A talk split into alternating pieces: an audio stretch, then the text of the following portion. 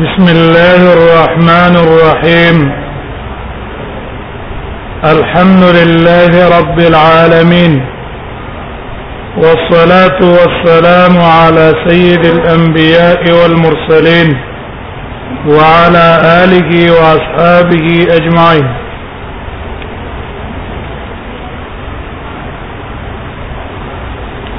قال عن حماد قال اللهم إني أعوذ بك وقال عن عبد الوارث قال اعوذ بالله من القبط والخبائث د امام ابو داود رحم الله دو استادان دي په دې سند کې د مسدد ابن مسرحد دو استادان دی یو حماد ابن زید دی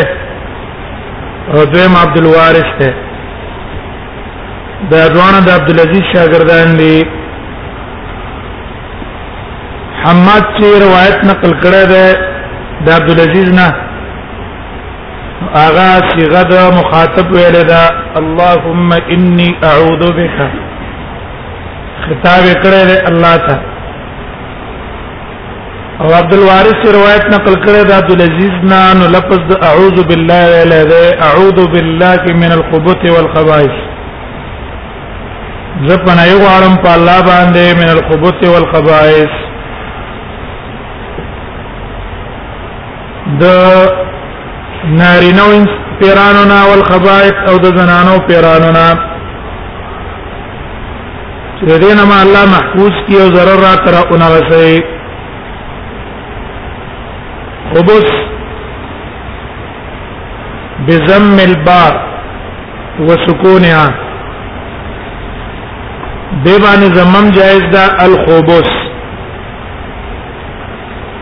او ساکن والم جائز دی خبث اللهم اعوذ بالله من الخبث والخبائث به باندې سکونم جائز شو به باندې زمم جائز شو دا د عام محدثین قول له زم قول خطابی صاحب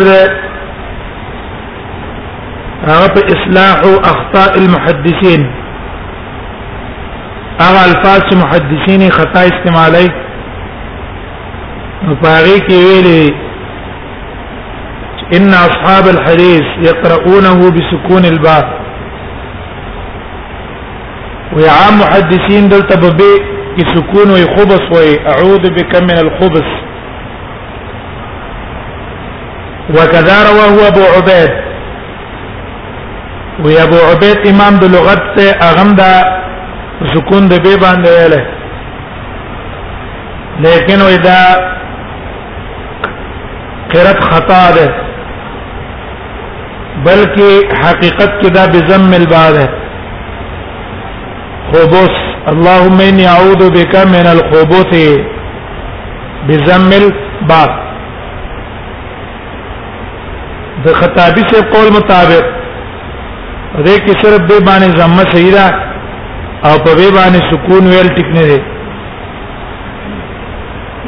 لیکن محققین علما را لګی دي دي خطابی سے باندې رد کړه ده چې دا قول خطابی خطا ده او په دې کې زمه هم جائز ده او به باندې سکون هم جائز ده به باندې زمم جائز شو په به کې سکون هم جائز دا دوان په کې جائز دي کله چې به باندې زمم جائز شي او به ساکن شي دا دوان ویل په کې جائز شو دا قول راجح ده کله چې به باندې زمو وایو خبث وایو اللهم اني اعوذ بك يا اعوذ بالله من الخبث نو بیا چې کله به باندې زمو وایو نو خبث جمع د خبيثات او خبيث نه مراد څه ده خبيث نه مراد شیطان نه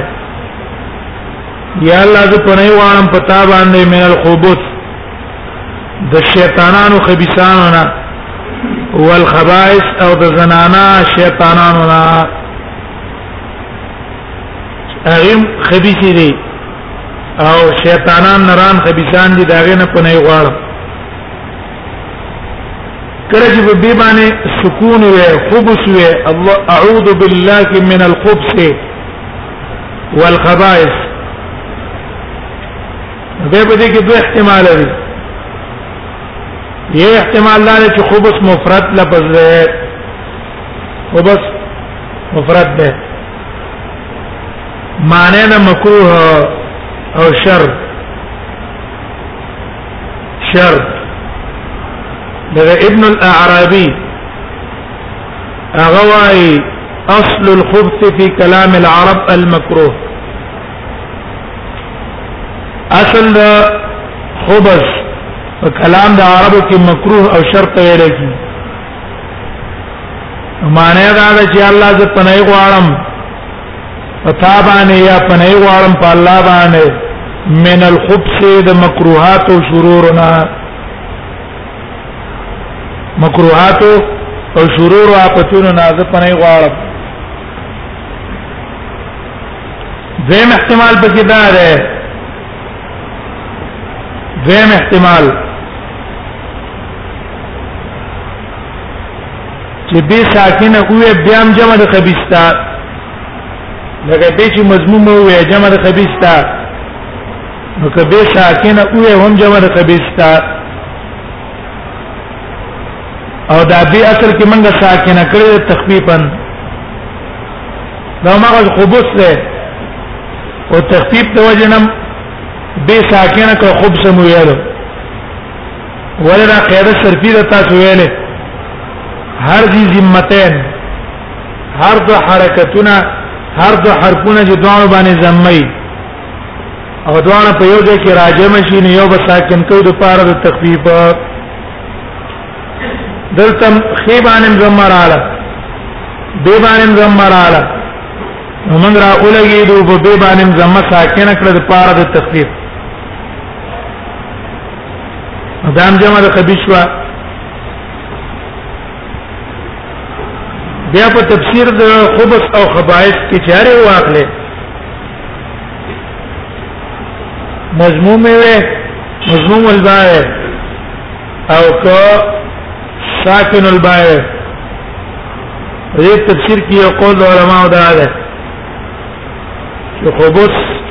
او خبث نه مراد ذکران الشیاطین دي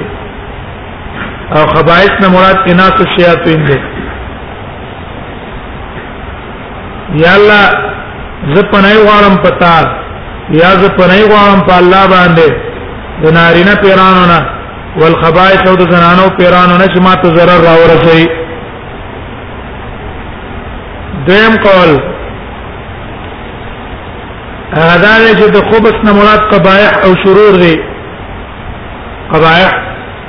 او شرور خبائث نه مراد معاصی دي یا الله زه په نه غواړم پتا باندې د آپتونو مصیبتونو او د شرونو نه والخبائث یا الله زه په نه غواړم پتا باندې د ګناهونو نه زه په ګناهونو کې مبتلا شم یا الله زه پتا باندې په نه غواړم درم د خبث نه مراد شیاطین دي کناری نه یو کزنا نه او خبائث نه مراد نجاسات دي زه په نه وارم په الله باندې د شیطانانو نه والخبائث او د نجاساتو نه الله باندې په نه وارم د ظاهر حدیث کې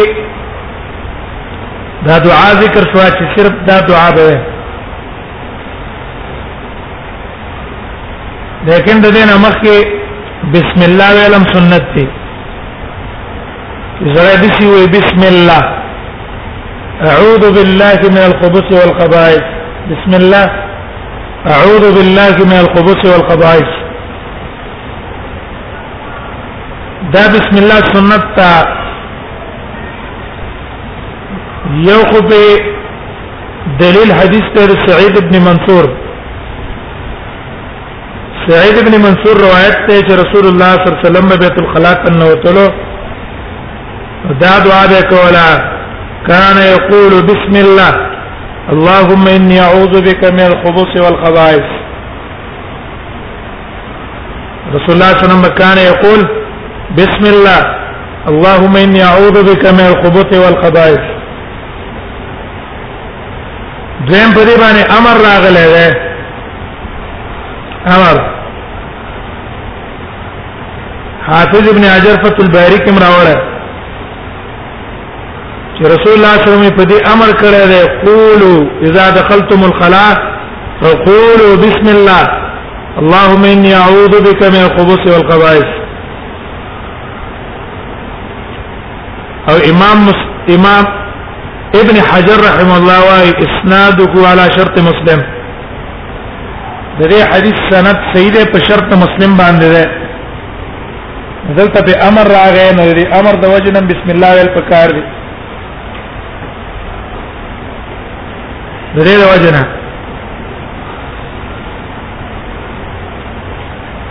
بل روایت هم ده ستو ما بين اعين الجن وعورات بني ادم اذا دخل الخلاء يقول بسم الله دیو جنا بسم الله مې پکار دي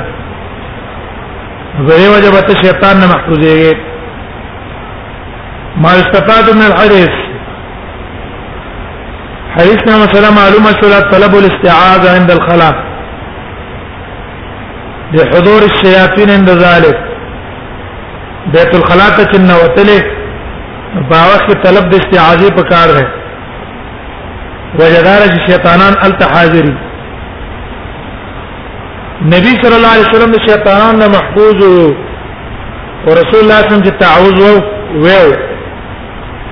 دا کان اظهار للتعبد یو په دې کې مقصد اظهار د تعبد الله عبادت اختیار کول په کې مقصود وو دویم په کې مقصد تعلیم الامه او دا ځکه وایي چې رسول الله صلی الله علیه وسلم معصوم او معصوم د پیرانو د انسانانو د ټولو ضرر نه الله بچ کړو دا دعا سره ولې کې علت حکم اعلان دی حدیث کې راځي ان هذه الحشوش محفظه هل علت استعاذه ذکر رج شیطانان راځي اول ته وجه وایو چې د شیطانان ذکر راځي چې دا زیاده ګنده غیره دیوژنه مشهور واقعا ده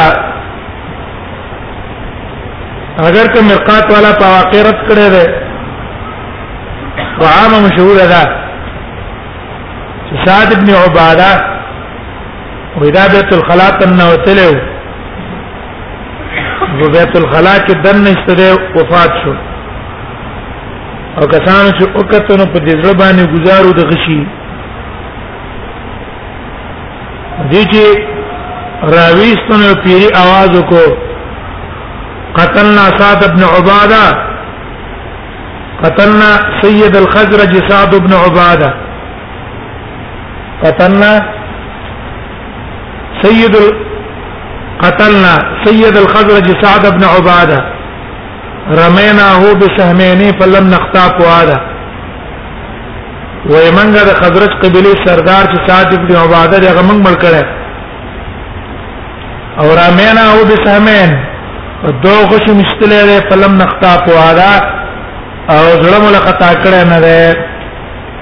رسا په دې ځواب باندې اشتراله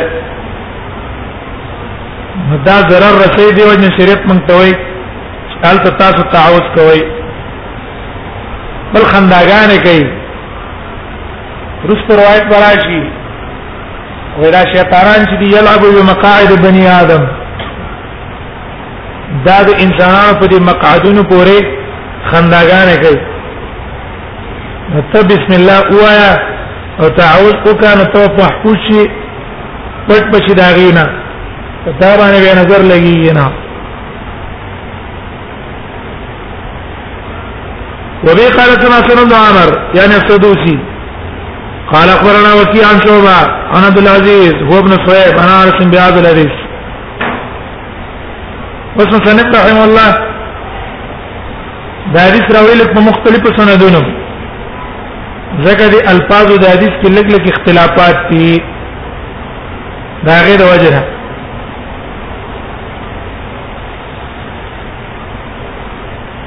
انا سم بیا د حدیث قال و یا رب کې دې سیوري اللهم اني اعوذ بك وقال شعبہ او شعبہ ویلي وقال مره و زما استاد عبد العزيز ابن صهيب یو ځل تدسی ویرا اعوذ بالله وقال وهيب عن عبد العزيز فليتعوذ بالله او وهيب ویری د عبد العزيز نه فليتعوذ بالله هغه څنګه د امر استعمال کړي دا د عبد العزيز روایت چرته ده عبد العزيز روایت نو سند متصل لم نقف على من وصله فيما لدينا من كتب الحديث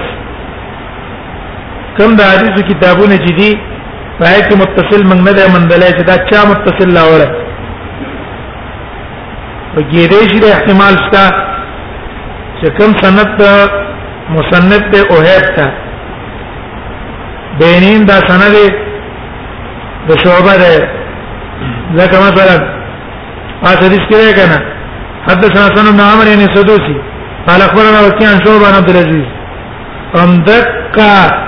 سند ته وهب تمی حتى سنة سنة بن عمر يعني السدوسي قال أخبرنا وكيع عن وهب ده ده وهب پر روایت کی امر بالاستعاذہ ده فليتعوذ بالله او په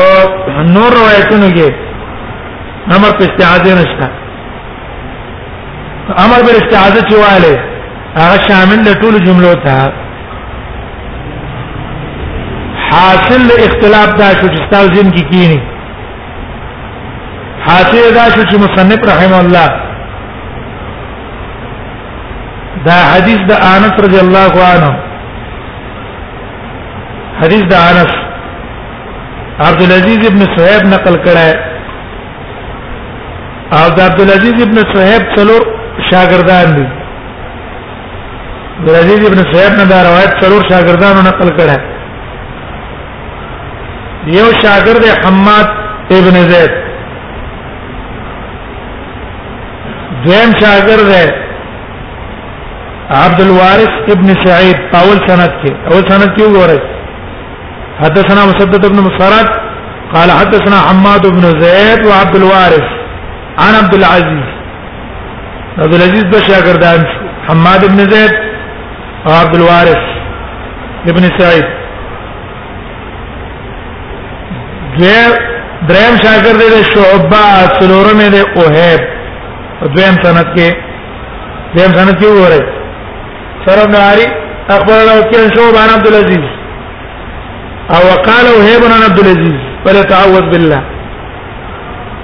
څلورم شاګرد څوک ته اوهب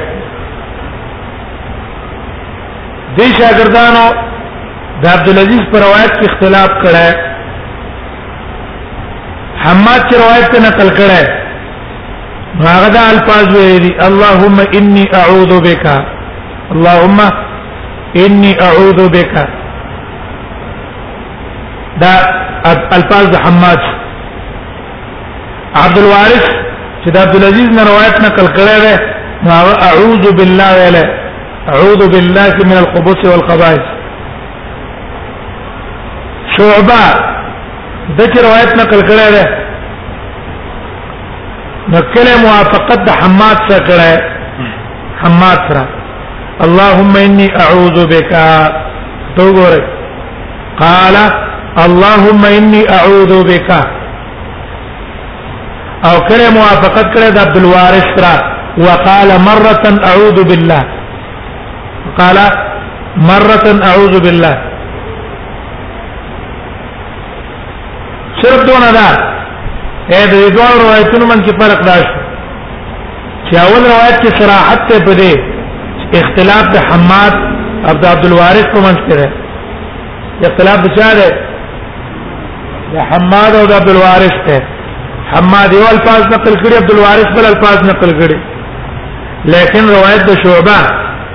روایت د شعبہ هغه دلالت کوي په دې چې دا اختلاف اصل کې استاد دی عبد العزيز دی عبد العزيز کله لفظ د اعوذ بک ویل کله لفظ د اعوذ بالله ویل نو عبد الوارث را لګیدل دی هغه اعوذ بالله ته نقل کړه حماد را لګیدل هغه ته کم اعوذ بک نقل کړه شعبہ دوه قسم الفاظ نقل کړي چې کله به استاد مونږ اعوذ بالله ویلو او کله به اعوذ بک ویلو دا فرق څلورم نمبر شاګرد دی سورم او هیو او هیو را لګیدل دی هغه بالکل موافقت مخالفت کړی دی ټول را هغه دریوانو د عبد العزيز نه روایت نقل کړي فعل رسول الله نقل کړي فعل كان رسول الله صلى الله عليه وسلم اذا دخل الخلاء قال اعوذ بك وقال اعوذ بالله عم فعل رسول الله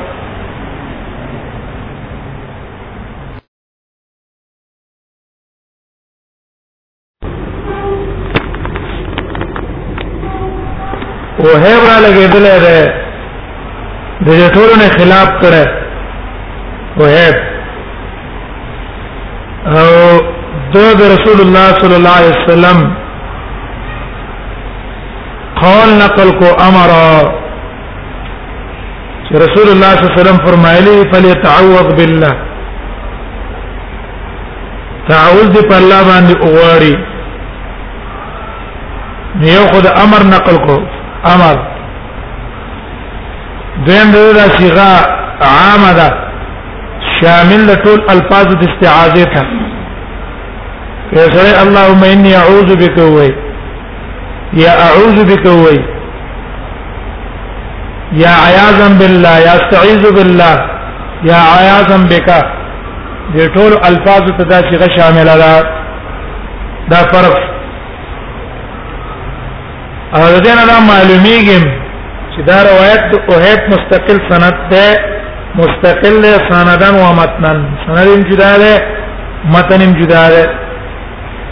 اگر کوم ته نه معلوم یا دیم احتمال پکې دا ده چې همدغه د شعبه سند همدا سند ده شعبه چې کوم سند همدا سند ته دم ده وبه قال ابن عمرو بن مرزو قال اخبرنا شعبه عن قتاده عن النضر بن انس عن زيد بن ارقم زيد بن ارقم رضي الله عنه روایت ہے غرض د حدیث دی حدیث سره بیان دی د علت استعاذه رسول الله صلی الله علیه وسلم ته امر په استعاذه ولې کړه نو حکمت دې هغه دفع از الشیاطین نه دې دې ته شیطانان حاضرېږي انسانانو ته ضرر ورکړي دیو جن تعوذ په الله باندې په کار دی چې تاګه نه سره بچ زید ابن ارقم نے روایت ہے زید ابن ارقم ابن زید ابن قیس الخزرجی شهید الخندق خندق قضا تمادر شوه اول غزواتو کې د نبی صلی الله علیه وسلم شامل شوه او لنه روایت تاسو د بخاری ویله باب غزوه العشيره هغه نه مخکې غزوه بوات دغه ته پوښتنه کم غزا نبی صلی الله علیه وسلم قال 17 یا ولا کما یو هغه بیان کړه ټول روایتونه چې دنه په کتابونو د حدیثو کې نقل لې نو نور نوی روایتونه ته نقل لې نه به متفقون علی روایتونه څلور دي او انفرد البخاری امام بخاری انفراد په دوه کړه امام بخاری انفراد په دوه کړه او مسلم انفراد په شپږ کړه ده وان فرد مسلم بسبب امام مسلم په شپږ روایتونو انتراض کړ دغه لپاره مشهور قصه ده مشهور قصه بخاری کې به تراش چې عبد الله ابن ابي خبره دا اورېدلې و چې دا دا ویلو له ان رجعنا الى المدينه لا يخرجن العز من الازل زمون مدینه ته واپس د عزتمن خلک به د ذلیلان د دینه شروع دا خبر اواره عمر ته وکړه یا تر ته وکړه او غلال نبی سلام ته وکړو نبی سلام عبد الله ابن ابي رغوتو نا په دروغ باندې قسم وکړو چې مونږ دا خبره نه کړې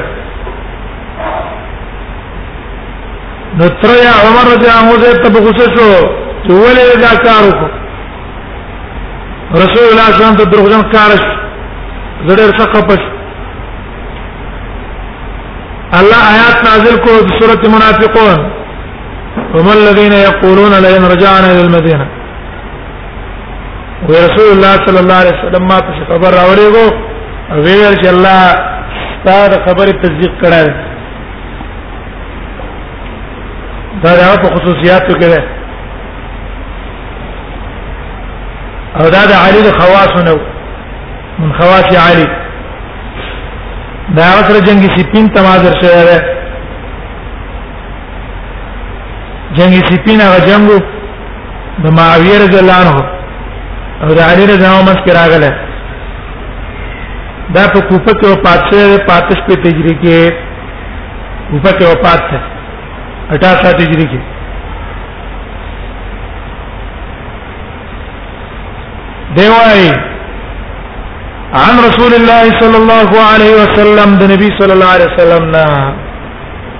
عن رسول الله مساله پرون موږ بیان کړ ترمذی کې قال رسول الله صلی الله علیه وسلم فرمایلی ان هذه الحشوش محتضره ودا حشوش دي محتضره دته شیطانان حاضری کوي محتضره معنی دې تاجری کړی شوی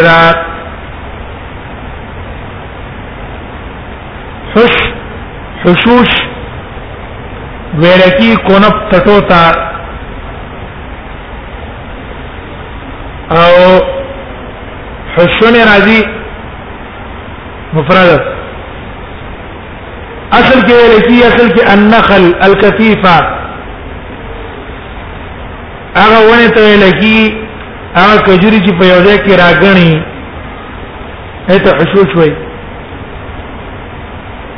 او دا عربو عادت ده او داس په پدې ځای کې ماتو چرته به ونه ډېرې ولاړې نه دیو جنا دا کنایه شو د قضاء الحاجت نه حشوش معنا څه د زینه ده او د سماعتي برابر خبره ده هغه باری او کټټي محتضرا دته حاضر کړی شوی دا شیطانان دې ټټېګانو ته ولې حاضرېږي یو د دیو جنو تاجرېږي چې دا زینه د نجاستونه دي نجاستونه زینه دي او شیطانان شیطانان د نجاست سره خوشاله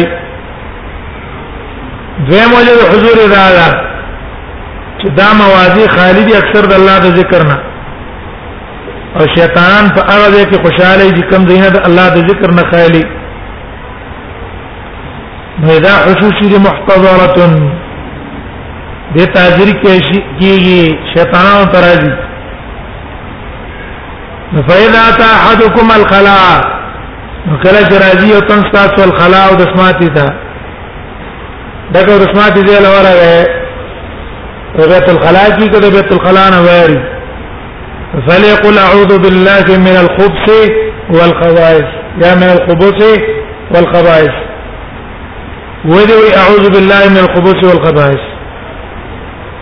په دې حدیث کې امر راغی مخکې حدیث کې فعل رسول الله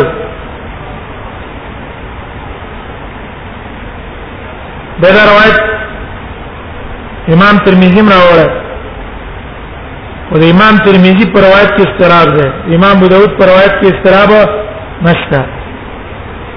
امام ترمذی چې کوم سند ته پاک استراب ده دو طریقو باندې استراب دی هلته به بیان کو دې سند کې چې استراب څه ده نه دروغ ده ما استفاد من الحديث حديث کې مسله معلومه شولا چې ان محلات القضاء ونحوها تحضر الشياطين هغه دین چې چرته او دس پکې ماتيږي یا دا غي پر نور د ګند ګندګي دین چې دي تحضر الشیاطین الت شیطانان حاضری کې لپاره د قصد zarar دین اعتراضی چې انسانانو ته zarar ورکی تبا دا غي نظام بچکه د الله په ذکر الله بیات الله په ذکر په ځان بچکه دیم دغه مخ روایت وجه نه کنه